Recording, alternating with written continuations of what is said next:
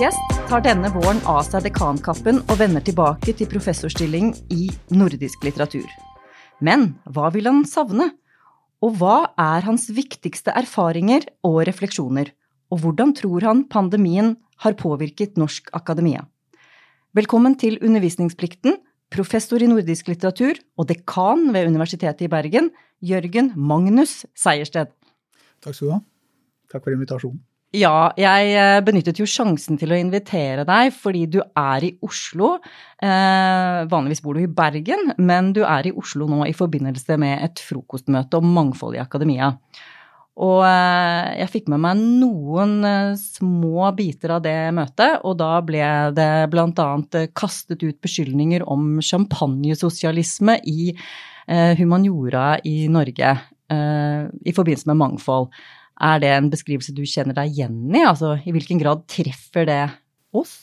Ja, først vil jeg si at jeg syns det var en uh, veldig god debatt med et, et uh, Panelet gjorde en uh, kjempejobb. Vi fikk jo en god bakgrunn i det statistiske av Hebe, Hebe Gunnes. og der er det jo det, det at innvandrere, og særlig etterkommere av innvandrere og det man kaller gruppe to-land, er Eh, godt representert i eh, høyere utdanning, men eh, ikke innenfor humaniora. Så vi har et rekrutteringsproblem når det gjelder det opplagte målet som vi bør ha, nemlig, nemlig å, å, å, ha mest mulig representativt utsnitt i forhold til befolkninga. Det er viktig for humaniora som kulturutviklende fag, og ikke minst fordi vi er så tett knytta til skolen og at lærerne, der er det jo veldig viktig at det er en representativitet i korpset.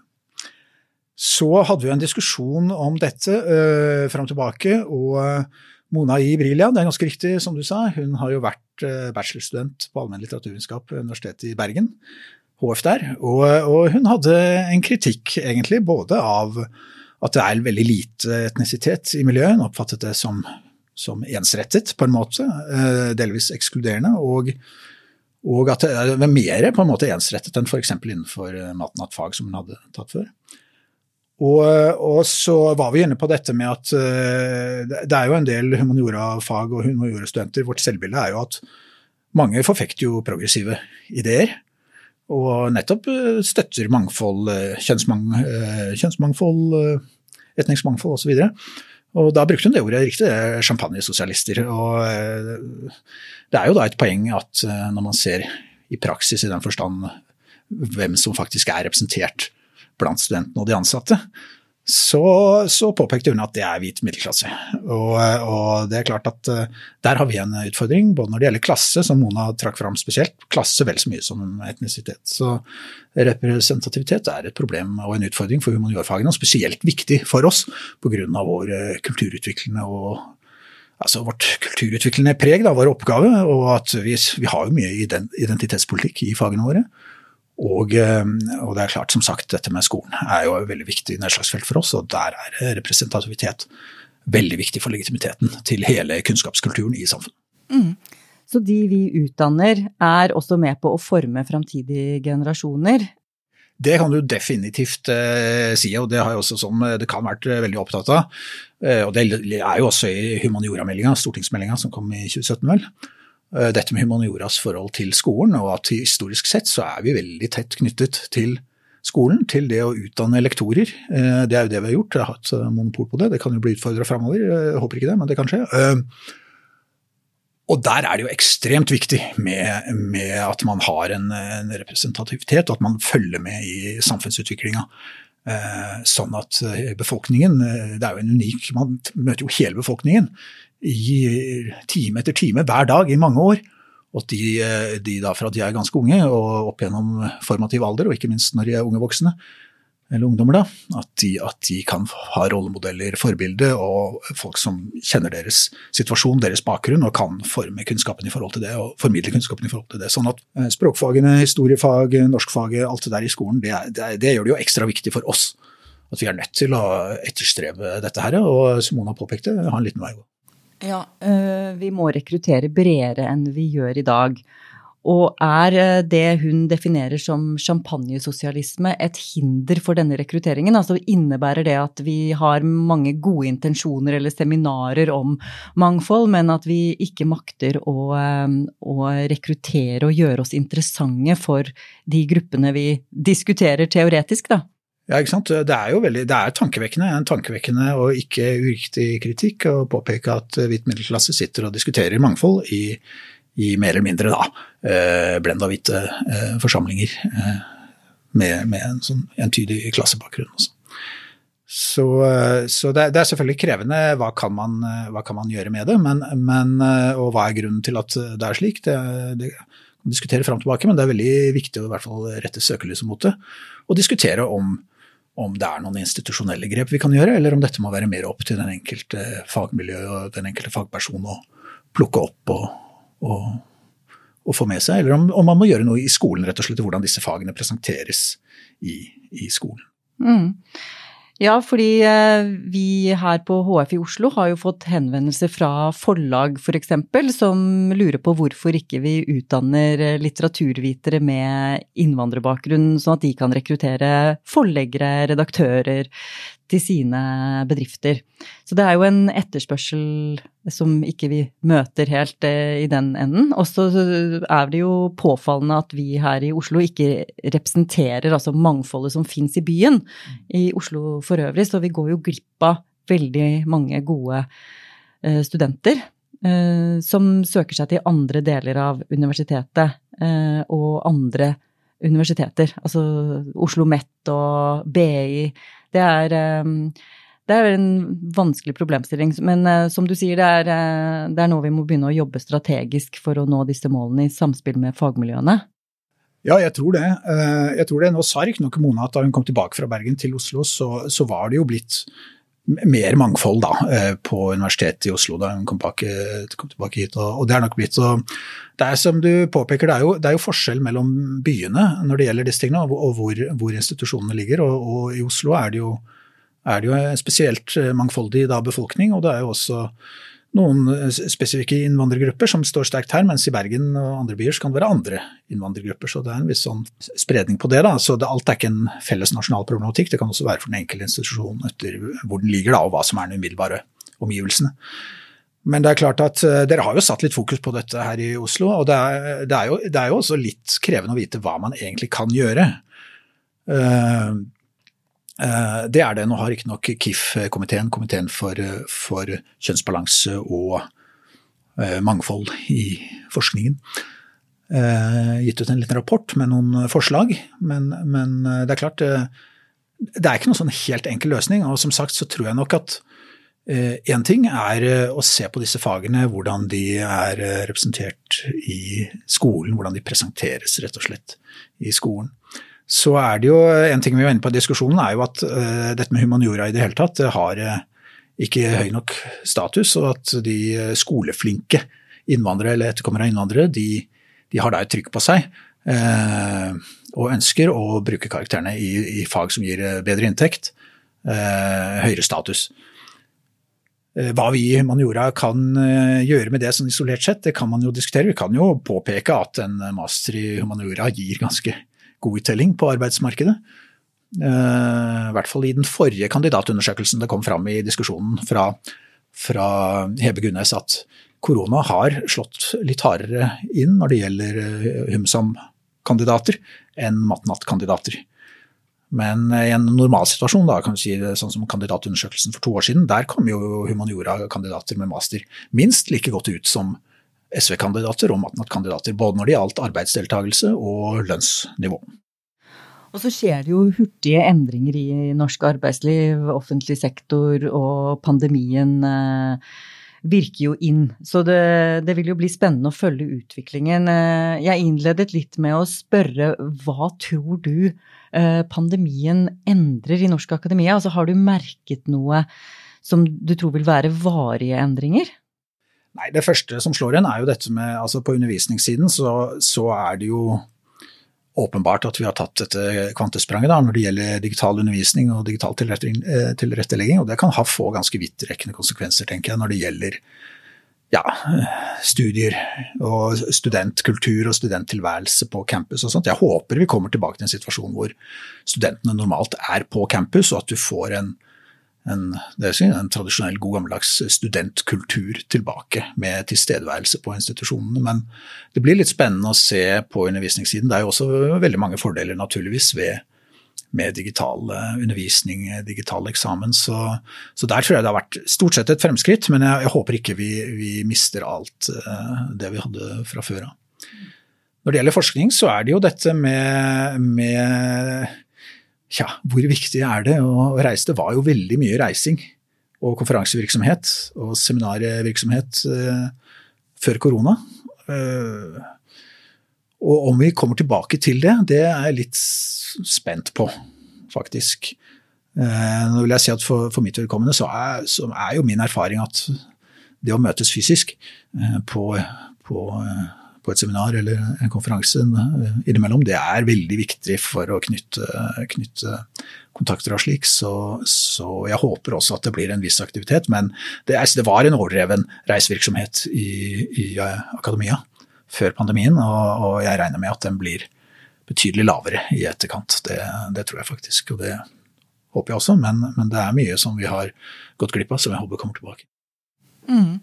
Ja, men eh, redusert reisevirksomhet eh, gagner jo også miljøet og, og, har mer bærekraft ved seg, så dette vil jo være en positiv eh, endring. Og det du sier om digitalisering, altså kombinert med det fysiske, det vil vel også kunne øke kvaliteten på, på undervisningen. Så alt i alt så kan vi kanskje si at vi har fått med oss noen positive erfaringer videre.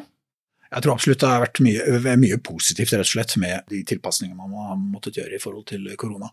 Jeg er litt spent på dette med hjemmekontor når det gjelder forskning. Eh, om, man, om, det blir mer vanlig da, med hjemmekontor. Eh, det sies jo at da, da Blindern ble, bygget med kontorer til alle de ansatte, så var det mange som ble fortørnet over at uh, nå forventer man at man skal være på kontoret. altså Man var vant til å sitte i store professorleiligheter og jobbe.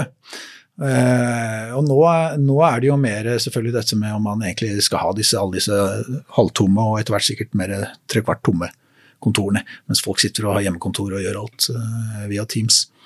Så, så, men da er jeg litt tilbake til den campuskulturen som, uh, som jeg egentlig syns, syns er viktig og, og, burde heller vært dyrket mer av. Vi burde ha mer campuskultur enn vi hadde før, med, med møtepunkter og samlingsarenaer og sånt for både vitenskapelig ansatte og, og studenter. Så hvis, hvis den campuskulturen skal svekkes ytterligere i forhold til hva den var eh, før, så, så, så syns jeg det er, et, eh, det er veldig synd. Ja, men det er uh, veldig mange som sier akkurat det du sier, og som savner et uh, miljø på campus, at det er uh, kafeer åpne f.eks. på kveldstid, at det er mulig å få seg mat, at, at studentene er her. Uh, og det, det, tror jeg kanskje også er noe av det savnet vi har kjent på når det har vært umulig å møtes.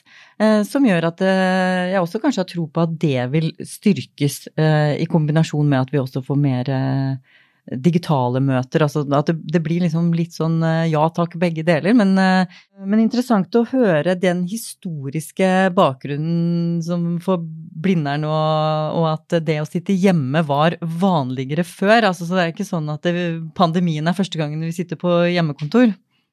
Nei og det, og det, er jo andre akademisk kultur i andre land hvor det er mye vanligere med, med hjemmekontor innenfor akademia. Det ikke er så vanlig at man har alle disse, disse kontorene. Så det var jo noe litt anekdotisk det, da, men, men det er nok noe i det. Mm. Så er det klart at uh, når det gjelder campuskultur, vet du, så apropos historisk perspektiv, så, så, så tenk hvis de hadde gjort som de hadde tenkt, å legge Universitetet i Oslo på, på Tøyen. Da hadde det jo vært en urban og, og levende kultur eh, rundt universitetet, istedenfor å legge det her ute på jordet. Ja, der kom det. Og NRK har jo nå besluttet å, å plassere seg i nærheten av Tøyen. Så eh, da hadde vi jo kanskje fått mer synergieffekt også med Norges største allmennkringkaster. Flytt etter. Det er byutvikling som monner. Ja, vi skal se om vi kan ta med oss det forslaget videre, Jørgen. Men nå har jo du vært dekan i fire år eh, på HF i Bergen. Eh, hvordan vil du oppsummere den tiden? Hva har vært liksom ja, dine beste stunder, og, og hva har vært de mest frustrerende erfaringene?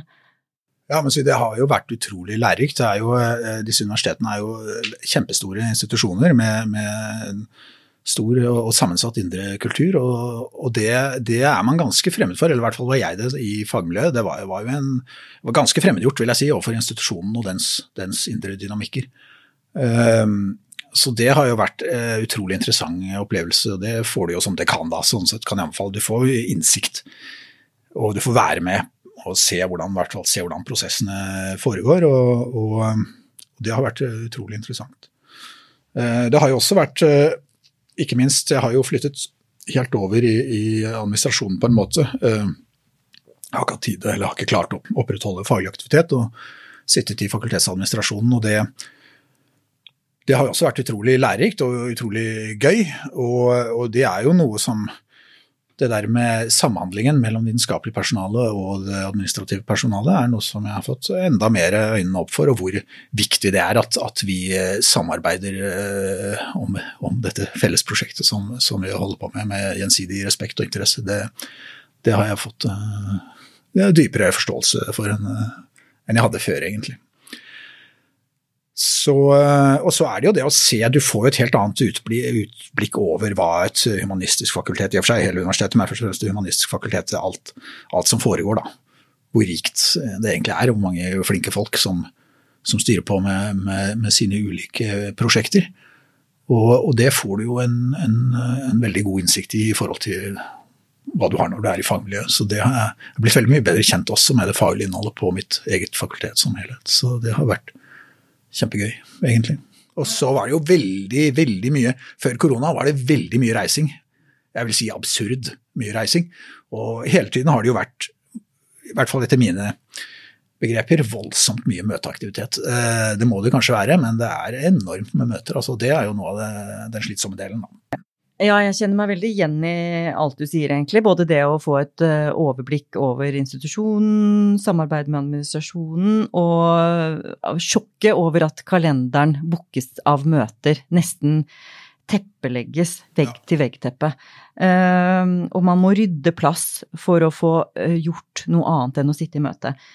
men hva er du mest stolt av å ha fått til i den perioden? Jeg, jeg, jeg, er ikke så veldig, jeg vet ikke om det er riktig å si at jeg er stolt akkurat av noe jeg har fått til. Eh, jeg er jo fornøyd med at det har vært relativt, det har vært ro. Det har vært ro og stø kurs og orden, sånn som oppfattere på Humanistisk fakultet i disse fire årene. Det har sånn sett vært en, en god periode, egentlig, og det, det, tror jeg egentlig var bra for fakultetet. For vi har vært gjennom eh, i forkant og i begynnelsen av den perioden jeg har sittet, så var det jo klare, ganske tunge nedskjæringer på på vitenskapelig ansatte. Men det er nå stabilisert. Eh, økonomien, i hvert fall, det er jo litt vanskelig oversikt nå i koronatiden, men ser ut til å være eh, relativt stabil og sånn. Så, så, det har vært på en måte fred og ro. Det er jo noe med at jeg håper å si, en fotballkamp, dommeren har gjort en god jobb når, når ingen har lagt merke til at han var der. men, men så har vi hatt noen prosjekter også og, og det, vi har jo, jeg har jo involvert meg ganske mye i dette med elektroutdanninga ved UB. Der har vi hatt et eget ja, våre egne utfordringer, vil jeg si. Det er jo krevende med, med, med den integrerte elektroutdanninga og matriseorganiseringa egentlig ved alle institusjonene, så vidt jeg oppfatter det, men, men, ikke minst ved UB så har det jo vært mye utfordringer. og så det er jo på en måte, Jeg vil ikke si akkurat at jeg er stolt, men det er i hvert fall noe som vi sa vi skulle jobbe med, og som vi har prøvd å jobbe med, og som har vært en viss, en viss utvikling. Men, men, det er nok dessverre ikke helt landet ennå. Men det, vi hadde et eh, vedtak nå i universitetsstyret. Eller nei, vi skal, det, det er en sak til universitetsstyret som jeg håper blir vedtatt, som, som vil på en måte, i hvert fall delvis, delvis bringe det litt videre, da. Ja, jeg merker jo at engasjementet ditt ligger veldig i forholdet til skolen. Og da vi snakket med deg i forbindelse med en annen sak eh, om HF-strategien her, så utbrøt du 'skolen er vår'. Og jeg likte det sitatet, fordi det handler jo om at vi vil ha eierskap til skolen på HF. Eh, det vil vi også på HF i Oslo. Eh, men vi har en litt annen modell enn dere i Bergen. Så hva vil du si er de største utfordringene dere har? Nei, ja, I Bergen så det er jo mye med organisering av lektorutdanninga. Den er veldig fragmentert uh, i Bergen. Uh, og så var det jo noe Tidlig på 2000-tallet så var det altså at fagdidaktikerne gikk fra det som, uh, hvor de da satt, på psykologisk fakultet, og, og, ut i de disiplinfaglige miljøene. Sånn at fagdidaktikken er ute i fagene, da, på HF og Matnat og, og SV-fagene. Og det det påvirker eh, det, det, gjør at det er veldig vanskelig med å, ideen om et UV, da, et utdanningsvitenskapelig fakultet, sånn som dere har eh, her i Oslo. Så det har vi jo ikke egentlig i Bergen, men vi har jo Pedagogisk institutt, som er på, dette, på fakultet for psykologi, hvor de har også mye annen utdanningsforskning, men, men, men det ja, didaktikken er også ved, ved disiplin. Så, så, det er veldig fragmentert. Men allerede da integrerte lektorutdanninga ble opprettet, så var det jo, var det jo dette Grønli-utvalget som sa at det, man må jo ha en viss samlende organisering utenfor fakultetsstrukturen som i hvert fall kan representere lektorutdanninga utad og, og, innad, og samle trådene osv. Og, og det valgte man å ikke lage den gangen, i 2002, og det tror jeg er en alvorlig feil som, som Vel, lektorutdanninga har, har, gått, og, og, man har fått til mye bra, men, men det der har vært til, til skade for lektorutdanninga ved Universitetet i Bergen i 19 år. Eh, og nå får vi håpe da at, uh, mot, at, at vi får til i hvert fall noe, noe i den retning, for det, vi, det trenger vi. Ja, og det blir en fjær i hatten å ta med seg Jeg vet ikke om jeg skal putte den i min hatt, men jeg har vært en av de som har vært med å jobbe det fram, i hvert fall. Det, og det er i hvert fall i tråd med hva jeg ønsker. Så.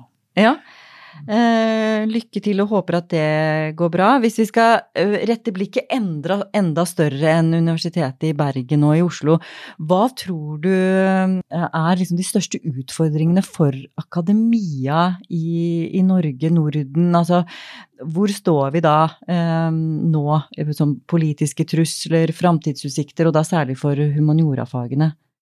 Ja, eh, det var jo et stort uh, spørsmål. Uh, det er vel sånn, må man si, at, at, at sektoren som helhet, sånn som jeg ser det, da, den har jo, har jo vokst nå gjennom mange, mange år. altså den kunnskapssektoren, da. og det har vært stor politisk interesse. og det har jo vært en del av Tony Blair som sa 'education, education, education'. Og, og, ressursene har gått inn der. Men, men, eh, det er jo også en viss pris å betale, og det er jo en økt politisk interesse for hva som foregår i fagene og i fagmiljøene. Eh, og det, det føler jeg jo er en, en utfordring for oss framover. Altså for det første en utfordring at kanskje denne veksten i ressurser ikke kommer til å fortsette å gro inn i himmelen. Det er jo klare signaler om det. Og for det andre at den politiske interessen ikke derfor blir mindre.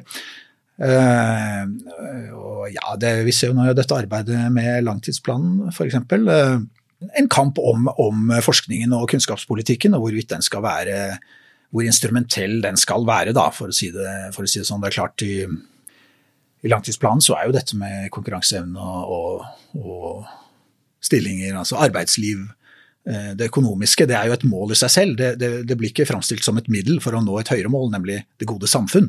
Men, men det er liksom mål i seg selv, og så er forskningen et, et, middel for å nå det målet. Eh, konkurranseevne. Og det, det, kan jo være relevant for deler av forskningen, selvfølgelig, men det er jo ikke, er jo ikke veldig treffende egentlig for eh, humaniora. For oss er jo målet et godt samfunn.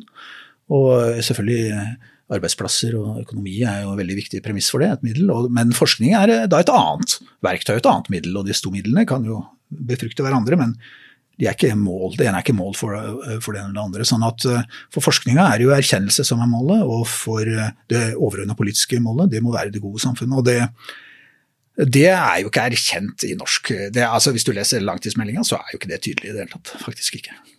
Sånn at det er den der økonomiske, instrumentelle rammen rundt forskninga, det er en trussel mot uh, humaniorafagene, sånn som jeg ser det. Den er, men den er jo også helt uh, altså, uh, Ja, det må reformuleres, naturligvis.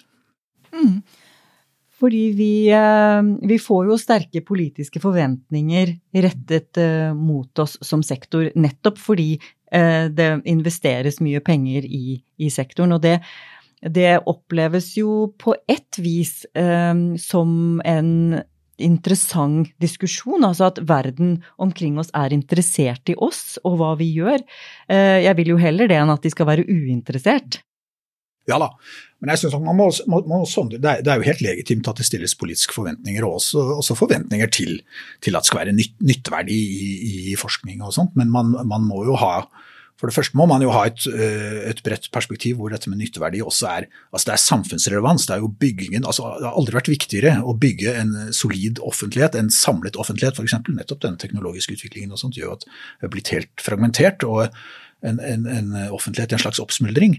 Og eh, humaniorafagene står slik jeg ser det helt sentralt i etableringen og vedlikehold av en kritisk samlet offentlighet. Mm. Eh, det, jo, det, det, blir jo ikke mer samfunnsrelevant enn det, eh, sånn som jeg ser det. Og, og Sånn at, sånn at, selv om dette med arbeidslivsrelevans, det er mye snakk om det nå, det er, det er en viktig utfordring. Vi skal ta den på alvor, naturligvis.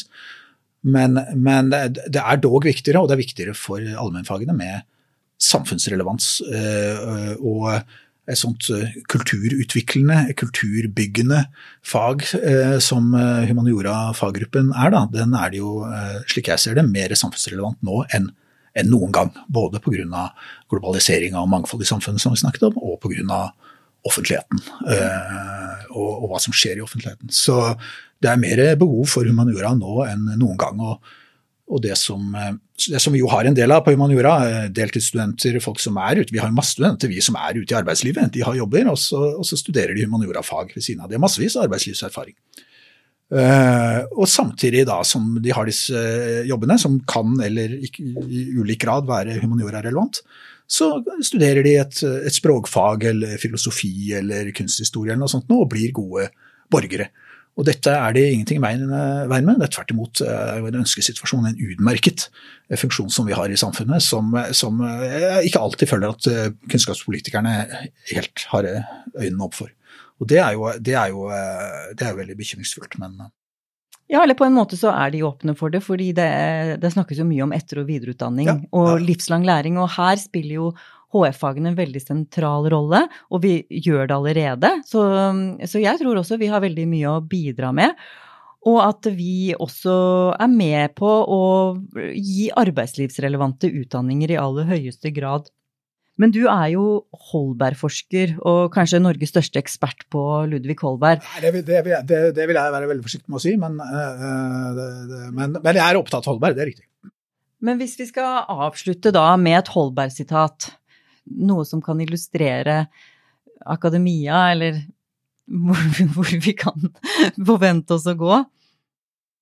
Nei, øh, nå, tok meg, øh, nå, tok du meg, litt på senga. Jeg har ikke et, et Holberg-sitat om akademia på, på, øh, på tunga, men jeg, jeg, kan vel, jeg, kan vel, si det, det er jo nå en oppsetning som visstnok er god, jeg har ikke fått sett den ennå, av Rasmus Montanus. da, og Det, det handler jo om akademia, som, som vi veit. Og, og, han har jo vært, som dere vet, Rasmus, han har jo vært på Københavns universitet og lært seg noen Eh, ja, retorikk og noen abstrakte kunnskaper som han kommer tilbake og terroriserer i og for seg eh, sin, sin, eh, oppvekstkultur da, eh, med.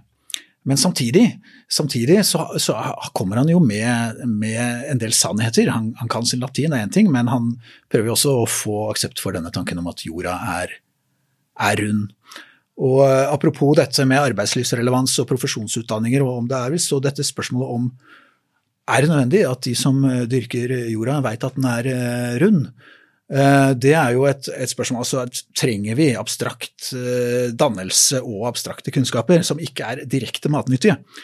Og det er, jo, det er jo noe som drøftes i Erasmus Montanus, og som Holberg har et tydelig blikk for den gangen, og som fremdeles er en veldig aktuell problemstilling for utdanningspolitikken i dag. Mm. Da anbefaler vi at dere får med dere den oppsetningen. Og så takker jeg for at du kom hit i Undervisningsplikten i dag, Jørgen. Takk for invitasjonen. Og takk til dere som hørte på denne episoden.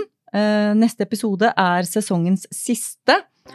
Og da kommer kunnskapsminister Henrik Asheim. Takk for nå.